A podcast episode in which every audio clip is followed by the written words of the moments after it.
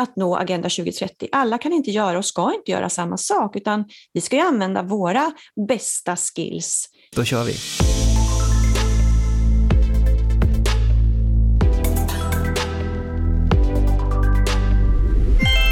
Hej och välkomna till Hållbara Bibblan.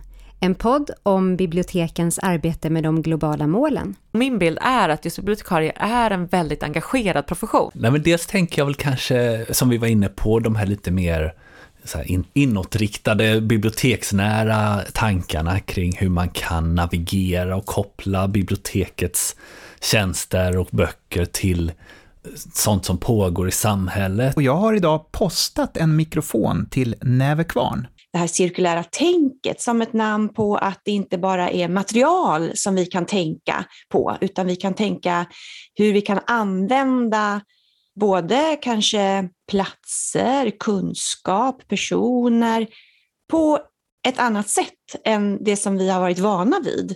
Du har kommit rakt in i en podd. Åh, vad härligt! Man tänker att man då kan förnya sitt tankesätt, att man, man provar, prototyper och, och pilotar på olika sätt. Att prototypa, våga prova. Det värsta som händer är att eh, ni märker att ah, men den här taken höll inte. Men det är ju en jätteviktig insikt i sig.